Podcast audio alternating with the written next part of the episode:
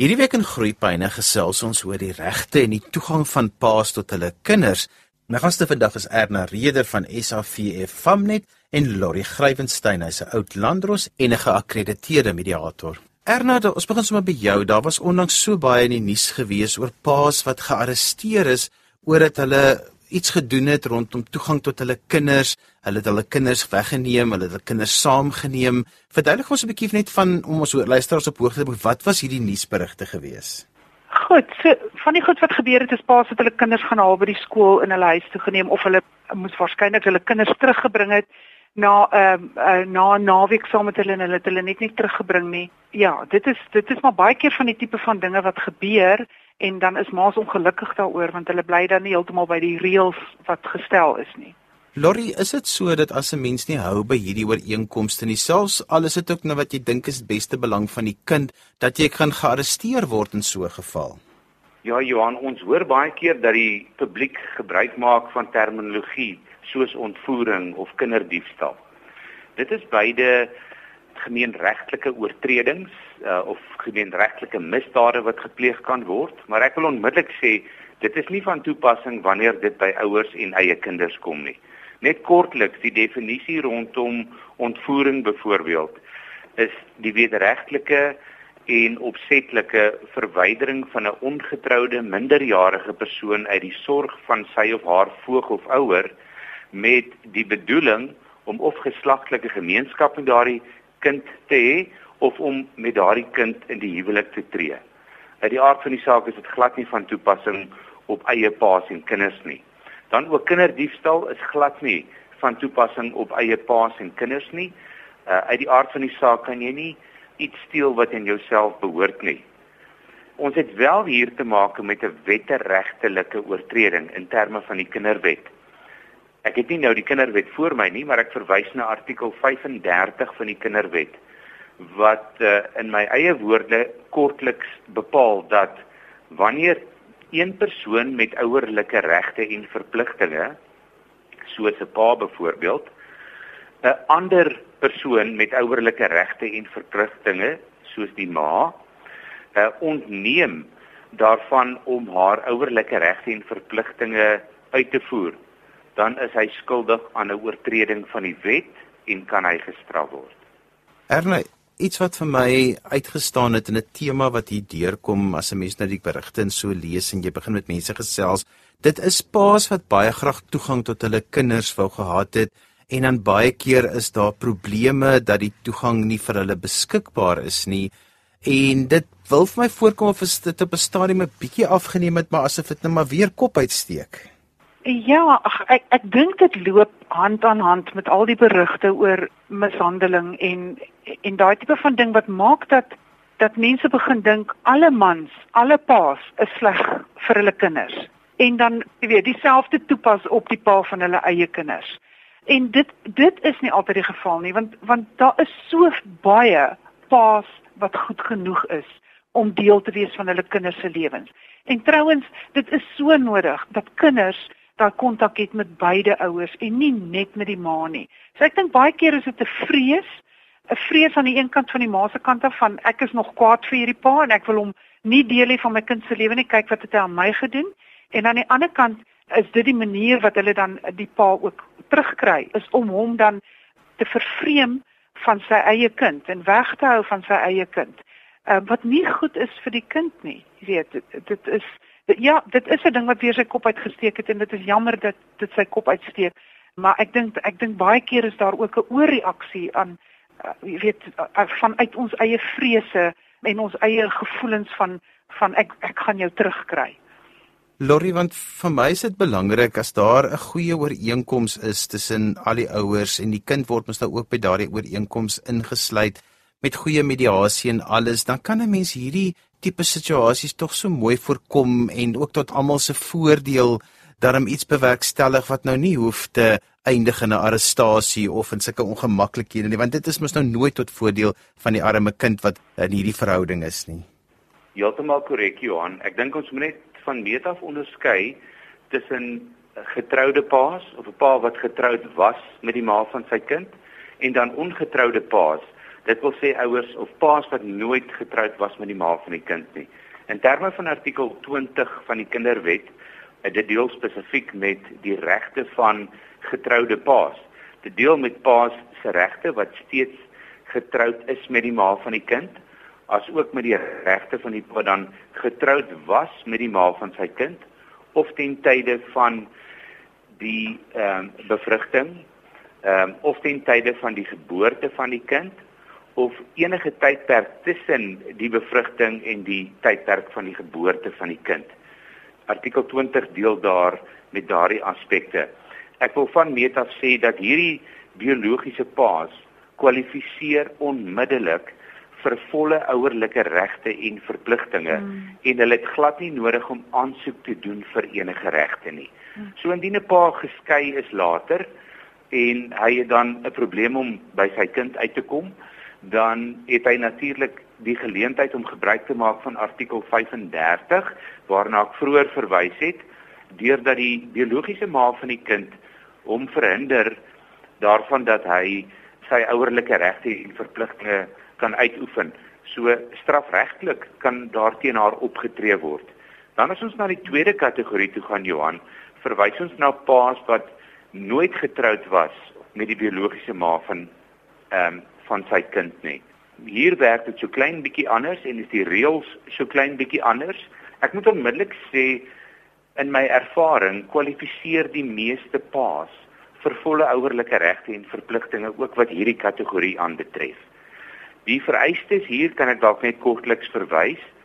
In die eerste plek kwalifiseer paas wat ten tye van die kind se geboorte in 'n permanente saamleefverhouding met die ma van van sy kind was.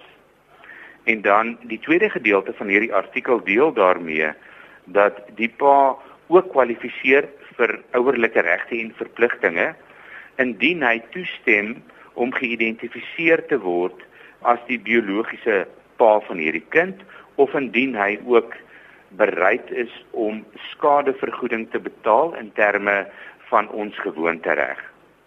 Verder indien die pa van die kind dan ook 'n bydrae maak of ter goeder trou bereid is om 'n bydrae te maak tot die versorging van die kind vir 'n redelike tydperk. En dan laastens, indien die biologiese pa, die ongetroude pa hier, ook dan ter goeder trou 'n bydrae maak vir die uitgawes van die kind of vir die onderhoud van die kind vir 'n redelike tydperk. Al hierdie kategorieë wat ek sopas genoem het, Hierdie paas kwalifiseer vir volle ouerlike regte en verpligtinge. Slegs paas wat nie aan hierdie vereistes voldoen nie, wat dalk nadat hulle uitgevind het dat die biologiese ma van die kind swanger is, nie in die omgewing was nie of dalk van die toneel af verdwyn het vir 'n tydperk, dit kan selfs wees om van hulle verpligtinge af weg te hardloop. Hulle kan wel aansoek doen vir sekere ouerlike regte en verpligtinge. Dit sal eenvoudig wees by die kinderhof, by sy plaaslike kinderhof en die hof kan dan 'n bevinding maak dat hulle vir sekere of spesifieke ouerlike regte en verpligtinge kwalifiseer. Maar in 'n netedop, die meeste paas kwalifiseer wel vir volle ouerlike regte en verpligtinge net soos die biologiese ma. Ons gesels vandag oor die toegangsreg van ouers tot hulle kinders of dit nou paas of ma's is en wat 'n mens moet doen as een van die ouers dan nou nie hulle regte kan uitgeoefen kry nie.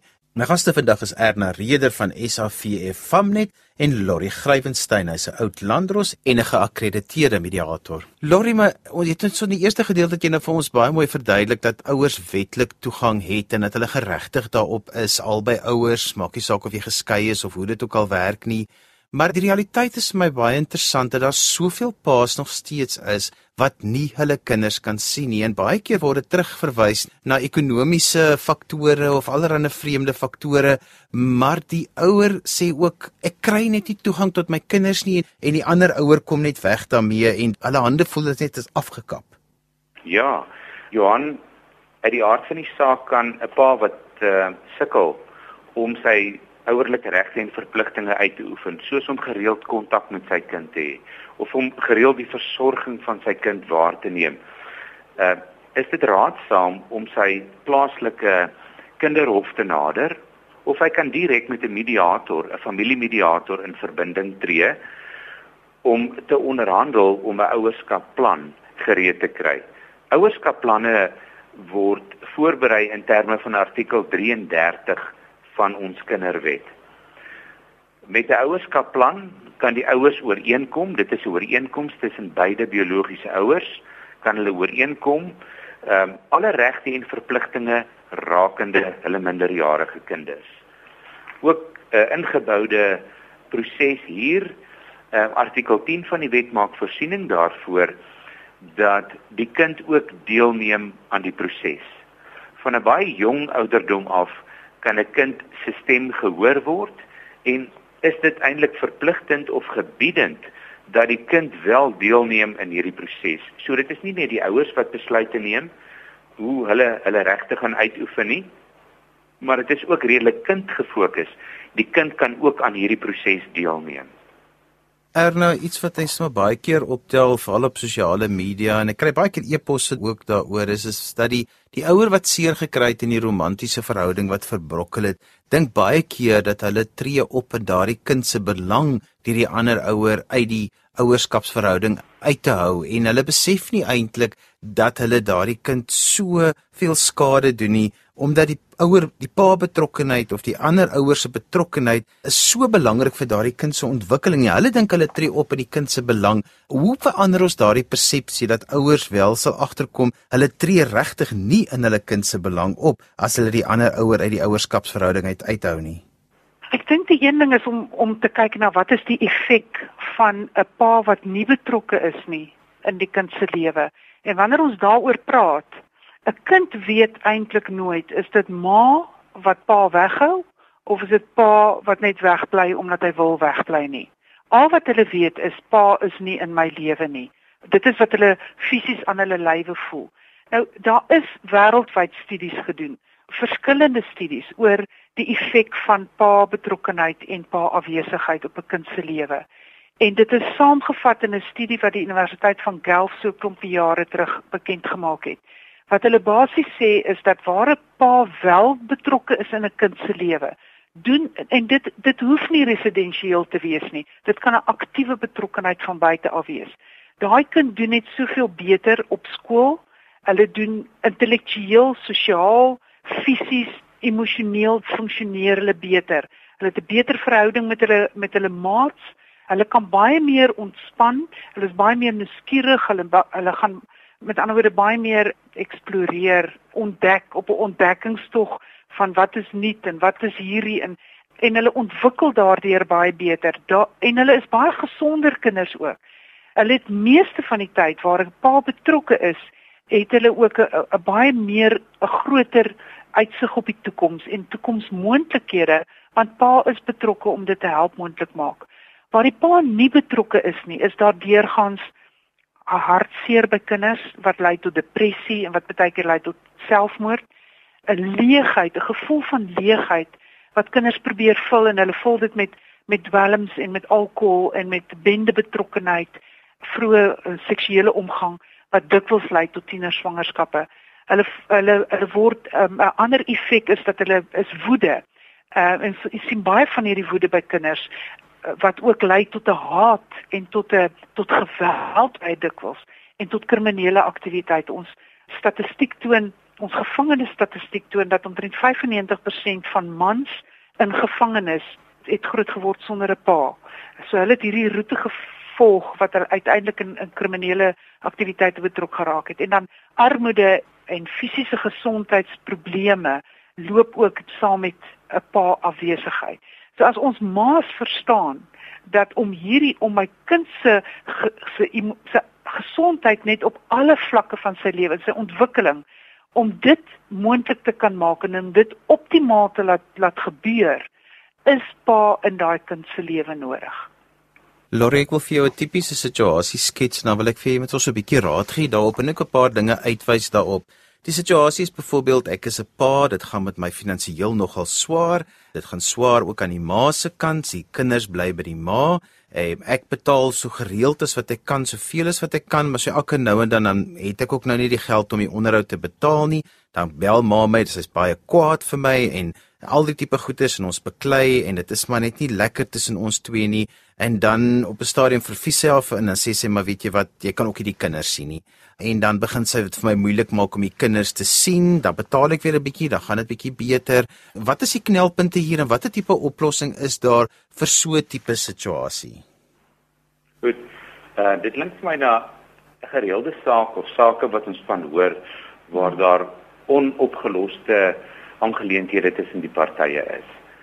Ek sien met mediasies wat ek doen tussen partye wat voorheen of in 'n verhouding was of voorheen getroud was.